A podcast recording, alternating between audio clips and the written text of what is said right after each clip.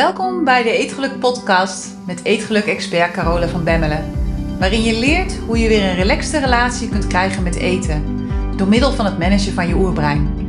Zodat je voor goed gaat stoppen met snoepen, snaaien, overeten en diëten. En weer trots bent op jezelf. Dag mooie vrouw, daar ben ik weer. Met een nieuwe podcast. En als ik op dit moment naar buiten kijk, dan zie ik dat het een beetje grauwig is. Dat de herfst echt wel is begonnen. En de trekkers met de mais rijden hier af en aan. Dus waarschijnlijk hoor je af en toe een heel zwaar gedender door deze podcast heen. Helaas kan ik het niet anders maken. We zitten in het buitengebied. En de boeren zijn hard bezig om de mais van het land af te krijgen. Dus als je af en toe een heel zwaar geluid hoort, dan weet je waar dat vandaan komt. Oké, ik hoop dat je inmiddels naar de eerste podcast hebt geluisterd. En dat je daarin ook mijn verhaal hebt uh, gehoord. En waarschijnlijk ook jezelf er wel in hebt herkend. En in deze podcast wil ik het met je hebben over het eetgelukmodel. En het eetgelukmodel is um, ja, eigenlijk het model waarmee ik werk in de Eetgeluk Universiteit. Wat ik gebruik om uh, mijn cursisten te begeleiden. Om mijn cursisten door het proces van eeuwige dieter naar gelukkige dieter te leiden. En het eetgelukmodel dat heb ik ontwikkeld op basis van eigenlijk alle ervaring die ik de afgelopen tien jaar heb opgedaan in het begeleiden van cliënten, in mijn eigen leven, in uh, ja, de dingen die ik om me heen heb zien gebeuren. En in dat eetgelukmodel komt eigenlijk alles bij elkaar. Eetgelukmodel bestaat uit vijf stappen. Hè, vijf stappen naar een relaxte relatie met eten. De eerste stap daarin is dat je stopt met dieetdenken. Want zolang je nog denkt in diëten, zolang je nog denkt in goed of fout, gezond of ongezond, slecht of niet slecht, kun je nooit een relaxte relatie met eten krijgen. Is gewoon onmogelijk. Dus de eerste stap die je moet zetten als je een relaxte relatie wilt met eten, is dat je gaat stoppen met dieetdenken.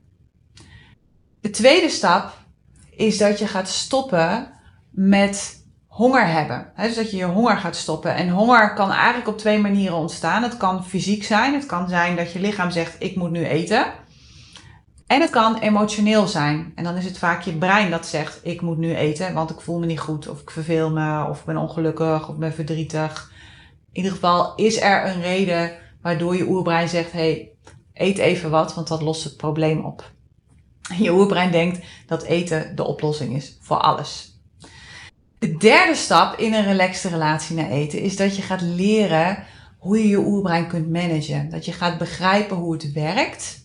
En dat je vanuit daar jouw diepste eetinstincten zelf kunt gaan managen. Zelf kunt gaan uh, coachen. Dat je jezelf kunt gaan coachen op het moment dat je wilt eten, maar weet van hé, hey, dat kan eigenlijk helemaal niet, want ik heb net warm eten op, bijvoorbeeld. Stap 4 in het verhaal is dat je jezelf gaat omarmen. Dus dat je uh, weer blij gaat worden van jezelf als je in de spiegel kijkt. Dat je stopt met vechten met jezelf. Dat je stopt met willen voldoen aan alle geldende normen. Dat je stopt met een hekel hebben aan jezelf. En de laatste stap in het verhaal is dat je jouw beste leven gaat leven. En dat je alle kennis die je gebruikt, uh, die je leert in jouw ja, proces, in dat hele eetgelukmodel, al die kennis en vaardigheden, dat je die gaat gebruiken om jouw beste leven voor jezelf te creëren. Want je kunt het gebruiken om je eetgedrag te managen, maar je kunt al die coachvaardigheden die ik je leer ook gebruiken om jouw beste leven te creëren. Ja, en hoe cool is dat? want op het moment dat jij jouw beste leven leeft, garandeer ik jou dat je ook geen behoefte meer hebt aan eten. En dat eten niet langer een weg is om jezelf beter te voelen. want je haalt al die goede gevoelens uit het leven wat je voor jezelf hebt gecreëerd. En dat is wat ik je gun. Dat is wat ik iedereen gun. Vandaag ga ik het hebben over de allereerste stap in het model. Het hele model bespreken, dat wordt een beetje een lange geschiedenis, dus dat doen we niet. Ik doe dat in een aantal podcasts. En vandaag gaan we het hebben over de eerste stap. En die eerste stap gaat over stoppen met dieetdenken. Maar voordat ik dat doe, ga ik kort stilstaan bij de geschiedenis van diëten. Want als je niet weet waar het vandaan komt, is het heel lastig om het op te lossen dus hoe zijn nou eigenlijk diëten ontstaan? En hoe zijn wij verzeild geraakt in ja, de, de dieethypnose waarin we nu massaal zitten? In, het, in de overtuiging dat diëten de oplossing zijn naar lekker in je vel zitten, naar afvallen, naar ehm, ja, er goed uitzien. Want het is echt de grootste onzin die er bestaat, geloof me. Nou, diëten zijn ontstaan eigenlijk uh, nou, zo'n 100 jaar geleden, 200 jaar geleden, toen de confectiekleding haar entree deed. Dat was eigenlijk het startpunt van de huidige dieetcultuur zoals we hem nu kennen. He, confectiekleding was iets nieuws. Tot die tijd werd kleding eigenlijk altijd op maat gemaakt. En ja, wat je zag was dat met name mensen met veel meer inkomen het vermogen hadden om ook kleding te laten maken voor zichzelf. En het voordeel daarvan was, het grote voordeel daarvan was, dat je niet geconfronteerd werd met het feit dat je misschien niet voldeed aan een bepaald standaard beeld. Want alles was netjes op maat gemaakt, alles paste. Dus daar hoefde je helemaal niet mee bezig te houden. Maar toen die confectiekleding haar intree deed, ja, toen werd het natuurlijk wel steeds makkelijker om jezelf te vergelijken met anderen. Want ineens liepen er meerdere vrouwen met de jurk die jij ook had gekocht. En dan wordt het natuurlijk anders, want dan kun je jezelf gaan vergelijken met een andere vrouw en kijken van hé, hey, haar staat de jurk veel beter dan bijvoorbeeld mij. Of hé, hey, bij haar zit hij veel strakker als bij mij. Of zij lijkt daar heel slank in en ik lijk daar heel dik in. Dus op die manier werd het lichaam eigenlijk van iets vanzelfsprekends naar iets maakbaars uh, getransformeerd. En tegelijkertijd veranderde dikker zijn van symbool van overvloed naar armoede. Het was eigenlijk altijd een symbool van overvloed als je wat dikker was, als je wat meer vlees op de botten had. Want dat betekende dat je weerbaarder was bij ziektes. Betekende dat je weerbaarder was als er een keer geen eten was in de winter. Je had gewoon even wat meer bij te zetten. Je had wat meer reserves. Goed, eind 1800 veranderde dat allemaal, want toen deed de Gibson Girl haar entree. En de Gibson Girl is eigenlijk een van de eerste succesvolle marketingconcepten bedacht door mannen. En de Gibson Girl was een vrouw met een zandloperfiguur, dus er zaten nog steeds heel veel rondingen in. Maar het was wel een atletische vorm. Dus het was een vrouw die sportief was. Het was een vrouw die erop uitging. Het was een vrouw die in het leven stond. Het was een vrouw die meer kon dan borduren en thee drinken. En dat was natuurlijk iets wat heel veel vrouwen op dat moment aansprak. En het was eigenlijk een beetje het startpunt van de emancipatie. De Gibson Girl was de vrouw van de wereld. En in de reclame werd natuurlijk verteld dat als je product X, Y, Z gebruikte, dat je ook een Gibson Girl kon worden. Dat je ook een vrouw van de wereld kon worden. Nou, welke vrouw wilde dat destijds nou niet? Vervolgens kwam daar rond 1910, dus dan hebben we het weer over zo'n, ja, 20, 30 jaar later denk ik, kwam Coco Chanel. En Coco Chanel maakte de mode van rond naar plat. Plat en strak was de mode. Dus er waren echt vrouwen die in die tijd hun borsten afbonden en al hun rondingen zo strak mogelijk afbonden om in de mode van Coco Chanel te passen, om in het modebeeld te passen wat Coco Chanel voorschreef. de modellen van Coco Chanel waren toen al heel slank, maar vergeleken bij de modellen van nu waren ze nog steeds vrij dik. Maar goed, het deed wel weer een stap in de richting van hey, als je vrouw van de wereld wil zijn, als je mee wilt komen in de mannenwereld, dan moet je slank zijn, dan moet je geen rondingen hebben en dan moet je uh, sportief zijn, atletisch zijn. En op die manier tel je mee. En als je dik bent of als je rond bent als vrouw, dan doe je daar niet in mee. Nou, dan sla ik even een stukje over tot na de Tweede Wereldoorlog. En na de Tweede Wereldoorlog kwam het voedingscentrum op het toneel. En het voedingscentrum is opgericht met als doel het verdelen van de voedselvoorraden en het oplossen van voedseltekorten. dus het voedingscentrum was helemaal niet bedoeld om voor te lichten over wat je moet doen om af te vallen. Het was veel meer bedoeld om de voedseltekorten um, ja, op te lossen en om ervoor te zorgen dat iedereen weer voldoende voeding kreeg. Dus dat mensen weer genoeg te eten hadden. Het was eigenlijk precies het omgekeerde van wat het nu is. En bij het voedingscentrum kwamen voedingsspecialisten in dienst die vertelden wat je moest eten. En eigenlijk ontstonden daardoor ook de eerste diëten. Al was het op dat moment nog veel meer gericht op juist weer gaan eten. En wat kun je wel eten? En hoe kom je zo snel mogelijk weer er bovenop na al die vreselijke tekorten die de Tweede Wereldoorlog natuurlijk had veroorzaakt?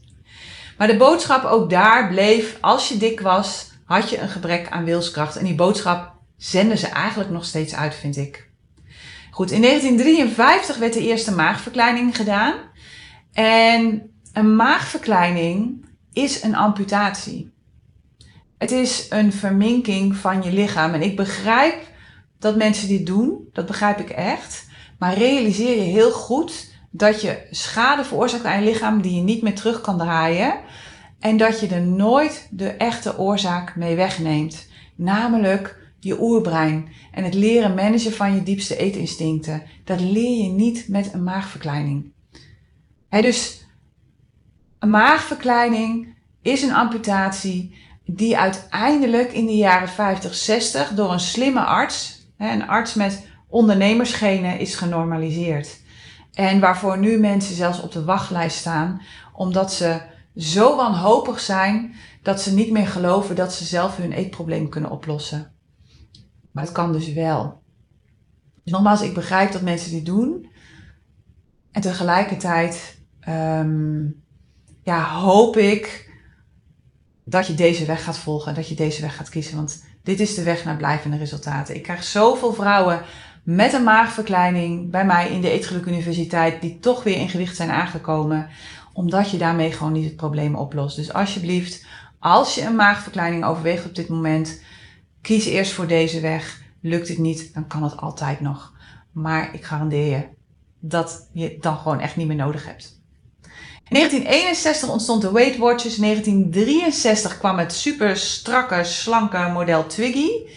En dat heeft natuurlijk heel veel vrouwen nog weer een duw gegeven. Want rond die tijd begon ook echt een beetje de flower power, begon um, ja, het, het feminisme, de emancipatie. Dus eigenlijk hebben wij vrouwen steeds opnieuw onbewust als signaal gekregen dat um, wanneer je slang bent, dat je dan als vrouw meetelt. En dat zijn die, die momenten zijn gewoon gekoppeld aan, aan hoe we eruit zien, wat we wegen.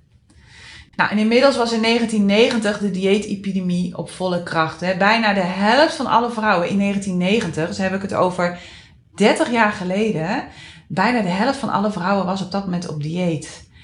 En van al die vrouwen had meer dan de helft van hen een normaal gewicht. Dus dat waren allemaal vrouwen die niet te dik waren, maar die waarschijnlijk onder invloed van het model Twiggy en onder invloed van alle andere uh, modellen en foto's en dingen die gecommuniceerd werden, dachten dat ze ook wat aan hun gewicht moesten doen. Eind jaren 90, in 1998, is de BMI naar beneden bijgesteld. En dat gebeurde, luister goed, op advies van een commissie die gesubsidieerd werd door twee grote producenten van afslankpillen.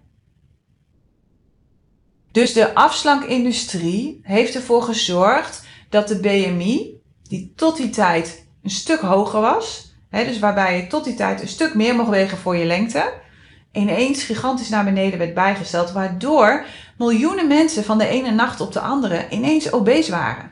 De dag ervoor hadden ze nog een gezond gewicht, maar de dag daarna hadden ze ineens een veel te hoog gewicht.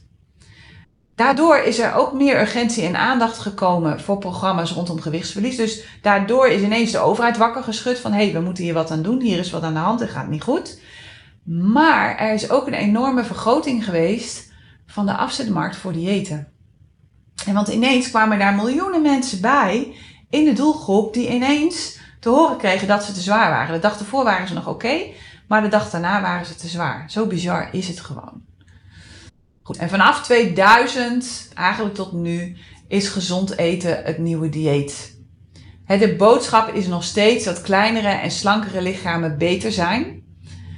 Maar het punt is dat wanneer je gezond eet uit angst om dikker te worden, dat je nog steeds op dieet bent. Dus al die mensen zeggen: ik eet gezond, ik let goed op, want ik wil niet dikker worden, zijn eigenlijk gewoon nog steeds op dieet dus alles wat je doet uit angst om dikker te worden of in de hoop dat je afvalt, is per definitie een dieet. En dieet denken, dat zijn alle gedachten die daarmee samenwerken. dat zijn gedachten als ik wil wel, maar het mag niet. Of uh, Carola of iemand anders heeft gezegd dat. Of ik moet van Carola of de diëtiste of wie dan ook jou helpt hierbij iedere dag dit of dat doen. Of ik kan niet anders in de huidige omstandigheden. ik ben weer uit de bocht gevlogen. Ik heb gezondigd. Dit is echt wel super ongezond hoor. Ik ben van het pad af. Ik pak morgen de draad weer op. En natuurlijk, ik ben wel heel slecht of heel goed bezig. Als je niet stopt met dieetdenken, als je niet stopt met het denken van dit soort gedachten, dan wordt alles wat je doet, wordt een dieet. En wat je dan gaat doen, is dat je jezelf gaat beoordelen en veroordelen op basis van wat je eet. je gaat jezelf niet meer beoordelen of veroordelen op basis van wie je bent, maar op basis van wat je doet, op basis van wat je eet. En afvallen wordt je levensdoel en je blijft jezelf controleren en schuldig voelen als dingen niet lukken. En het punt is, echt, het punt is dat het niet gaat om wat je eet. Want eten is niet per definitie goed of slecht. Eten is gewoon eten. Het gaat erom waar je voor kiest. Het gaat erom wie jij wil zijn ten opzichte van eten. Wil jij afhankelijk zijn van eten om je goed te voelen of om je niet goed te voelen? Of wil jij eten gebruiken waarvoor het bedoeld is, namelijk als brandstof voor je lichaam? En niet als middel om jezelf mee te straffen of te belonen. En niet als vriend of vijand. En dat is waar het over gaat als het gaat over eten. En als je kijkt naar de geschiedenis van onze dieetcultuur, als je kijkt naar wat ik net met je besproken heb, dan zie je een paar belangrijke ontwikkelingen die ook nu nog een rode draad vormen in hoe we omgaan met voeding en gezondheid. Het zijn allerlei beloften of uitspraken waarmee we zijn opgegroeid en die dus diep in ons brein verankerd zitten. Het zijn dingen die we hebben aangenomen als waarheid. En het gevolg daarvan is dat ons brein op basis van die diepe overtuigingen gaat oordelen en bepaalde gedachten vormt waardoor je gaat handelen.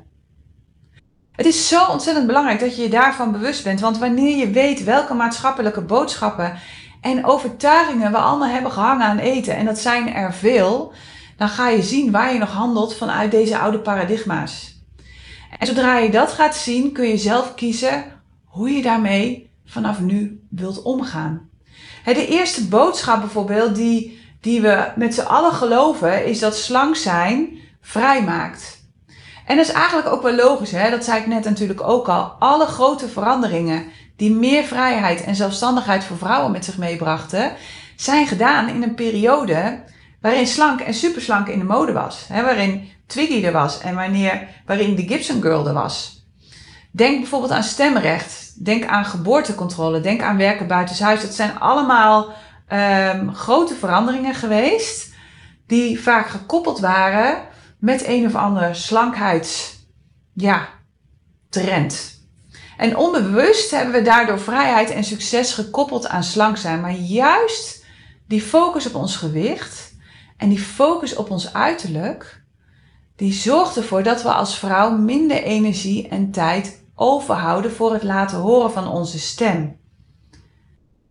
Waardoor we nog te weinig onze macht en kracht en ware plek in de maatschappij terugnemen. We hebben als het ware een zoethoudertje gecreëerd of gekregen, eh, waar we de hele dag mee bezig zijn, zodat we uh, onze energie niet op andere vlakken kunnen laten gelden. en zolang je bezig bent met eten, zolang je gefixeerd bent op je lichaam en je eetplan, denkt je brein ook nog eens een keer dat je in een situatie van hongersnood verkeert. En daardoor zal het niet toestaan dat je je gaat focussen op het veranderen van de wereld en het leveren van jouw bijdrage in die wereld. Een hele belangrijke. De tweede boodschap die we erdoor krijgen is dat we steeds dikker worden en dat diëten dat oplossen. Diëten zijn de ultieme oplossing voor overgewicht. Geloof me, lieve vrouw, het is bullshit. Ieder lichaam is anders. Ieder mens is anders. De ene mens is lang, de andere is klein. Dan is er iemand die is blond, de ander is donker. De een heeft grote voeten, de ander klein. We hebben stijl haar, we hebben krullen, we hebben grote borsten, we hebben kleine borsten. We zijn niet allemaal hetzelfde. We zijn niet allemaal volgens dezelfde maten gemaakt. En dat betekent dat er niks mis is met leven in een groter lichaam of in een kleiner lichaam. Het zijn de overtuigingen van de maatschappij die het probleem creëren. Het feit dat we met z'n allen steeds groter worden, komt echt niet alleen door wat je eet. Het heeft alles te maken met waarom je eet. De reden waarom je eet, die bepaalt wat je eet. En het heeft alles te maken met het feit dat we nooit hebben geleerd hoe ons oerbrein functioneert en hoe we dat kunnen managen. Hoe we die diepste eetinstincten, die ons al vanaf de oertijd sturen, in een veranderende wereld kunnen blijven managen. In de oertijd hoefde je dat niet te managen. Dan was het fijn dat het er was. Maar tegenwoordig moet je dat wel doen. dus eten alleen is dan ook niet het probleem. Het probleem is veel breder en heeft vooral te maken met het feit dat de werking van ons oerbrein, het diepste instinct dat we hebben, dat dat haak staat op onze dieetcultuur. En dat we niet begrijpen hoe we dat kunnen managen. Dat is er de grote oorzaak van dat we steeds dikker worden. Niet het eten. Maar het feit dat we onze eetinstincten niet kunnen managen. Het feit dat we niet kunnen zeggen: hé, hey, ho, stop. Ik heb genoeg gehad. Dit hoef ik niet. Ik heb dit niet nodig. Daar gaat het over. De derde boodschap die we gehoord hebben en geleerd hebben is dat eten de boosdoener is. Want eten krijgt op dit moment de schuld van alles. Maar eten heeft in dit hele verhaal helemaal geen schuld. Want eten is neutraal. En natuurlijk, natuurlijk, natuurlijk hebben bepaalde soorten eten wel degelijk een effect op je brein. Waardoor ze je oerbrein triggeren om meer te willen eten. Maar in de basis is eten neutraal. je hoeft eten niet te eten. Je kiest ervoor om het te eten. En je kiest ervoor vanuit de gedachten die je denkt en de emoties die je voelt. Maar eten zelf zal je nooit dwingen om te eten. Door op dieet te gaan, geef je aan eten een betekenis. Eten wordt ineens goed of slecht. Eten wordt ineens gezond of ongezond. Met als gevolg dat je je schuldig voelt als je iets eet wat volgens de geldende regels slecht of ongezond is. En dat je trots bent op jezelf als je gezond en goed eet volgens de geldende regels dus daardoor wordt eten ineens een mechanisme om jezelf te kunnen straffen of belonen. En dat straffen uit zich vaak in je schuldig voelen, of jezelf eten ontzeggen, omdat je al genoeg slechte dingen hebt gegeten. Of bijvoorbeeld in het extra willen bewegen. Nou, ik ga maar een keer extra naar de sportschool, want ik moet die calorieën toch verbranden. Of nou ja, als ik een keer extra ga sporten, dan kan ik nu ook dat ijsje wel eten. of, en dat zie ik ook heel vaak gebeuren, dat je geen nieuwe kleding koopt totdat je weer in je oude maat past. Hoeveel van jullie hebben niet een kast vol met kleding in verschillende maten en dat hangt daar totdat je er weer in past. Als ik je één advies mag geven, doe alles weg wat niet past. Hou alleen kleding in je kast wat past bij de huidige jij. want tegen de tijd dat je erin past, is het waarschijnlijk uit de mode en wil je toch wat anders. Bovendien creëer je daarmee heel veel druk voor jezelf. Want iedere keer als je je kledingkast open doet, word je herinnerd aan het feit dat je nu niet meer in die kleding past. Nou, wat voor gevoel geeft je dat? dus omdat je jezelf um, straft of beloont met eten, wordt het een ding in je hoofd dat allerlei reacties in je lichaam teweeg brengt. En het gevolg daarvan is dat je oerbrein denkt: hé, hey, mijn mens voelt zich niet goed. Ik moet dat oplossen. Ik moet zorgen dat mijn mens zich weer goed voelt. En het laat je focussen op eten en het laat je eten kiezen met een hoge beloning in je brein. En dat is nou net niet het eten wat je wilt. De laatste dieetleugen die ik met je wil bespreken is: als je gezond bent, dan voel je je beter. Er is een enorme uh, koppeling gemaakt van gelukkige en blije, slanke mensen aan allerlei producten en diensten die de illusie wekt dat je je beter voelt als je ook slank bent. Dus ga je doen wat deze mensen doen. Je gaat perfect eten. Je denkt dat het perfecte eten ervoor gaat zorgen dat je lekker in je vel zit. Niets is minder waar. Als je nu niet lekker in je vel zit, zul je ook niet lekker in je vel zitten als je het perfecte plaatje hebt. De kwaliteit van eten beïnvloedt natuurlijk hoe je je voelt, maar er is veel meer. En de belangrijkste reden dat je je zoveel beter voelt wanneer je gezond eet, is omdat je denkt dat je de volledige controle hebt over je eetgedrag en je lijf. En wanneer je de controle hebt over iets, denkt je oerbrein dat je veilig bent en laat het je met rust. Dat is de reden waarom we zo graag controle willen hebben over dingen. En waarom we het zo eng vinden om dingen los te laten. Waarom we van het ene dieet naar het andere dieet hobbelen. Het is dus niet alleen het gezonde eten en het slank zijn dat je leven verandert. Het is niet alleen het gezonde eten dat ervoor zorgt dat je je goed voelt. Het is het gevoel van controle dat je hebt als het je lukt om slank te blijven. Of als het je lukt om um, ja, te eten wat je wilt eten. En dat zorgt ervoor dat je anders denkt en dat zorgt ervoor dat je je anders voelt. Maar feitelijk heeft dat helemaal niets met eten te maken. Eten is alleen maar um, het mechanisme, het, het dingetje wat zichtbaar maakt wat je doet. Dus uiteindelijk gaat het er dus niet om dat je perfect eet. Maar het gaat erom dat je leert hoe je je goed kunt voelen zonder te hoeven eten. Daar zit de sleutel. Als jij geen eten meer nodig hebt om je goed te voelen, dan ben je vrij. Het gaat erom hoe je van controle kunt overstappen naar vertrouwen, waardoor je je in de basis altijd veilig en goed voelt. En wanneer dat het geval is, zal eten niet langer je vriend of je vijand zijn, maar zal eten gewoon eten zijn en ben je vrij. Dan heb je jezelf bevrijd uit de eet-dieet-spiraal. En dan kun je verder met het bouwen naar een relaxte relatie met eten. dus dit stuk moet eerst. Het gaat er eerst om dat je je bewust wordt van al die gedachten die je denkt, die eten goed of slecht maken, uh, gezond of ongezond, vriend of vijand. Al die gedachten die je denkt over jezelf.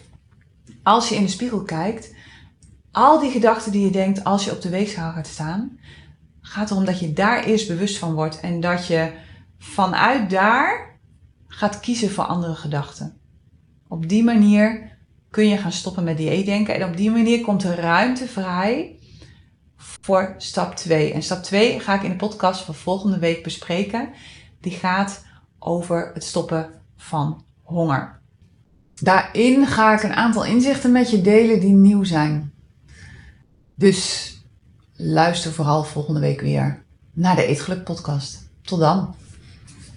Hey, als je het fijn vond om naar deze podcast te luisteren, kijk dan eens naar de Eetgeluk Universiteit. Dit is de Netflix op het gebied van eetgedrag, waarin ik dieper inga op alles dat ik deel in deze podcast. En waarin ik je leer hoe je dit kunt toepassen in jouw leven. En misschien wel het allerbelangrijkste, op jouw eetgedrag. Je vindt alle informatie op degelukkigeeter.nl. Het lijkt me super om jou daar te zien. Tot daar.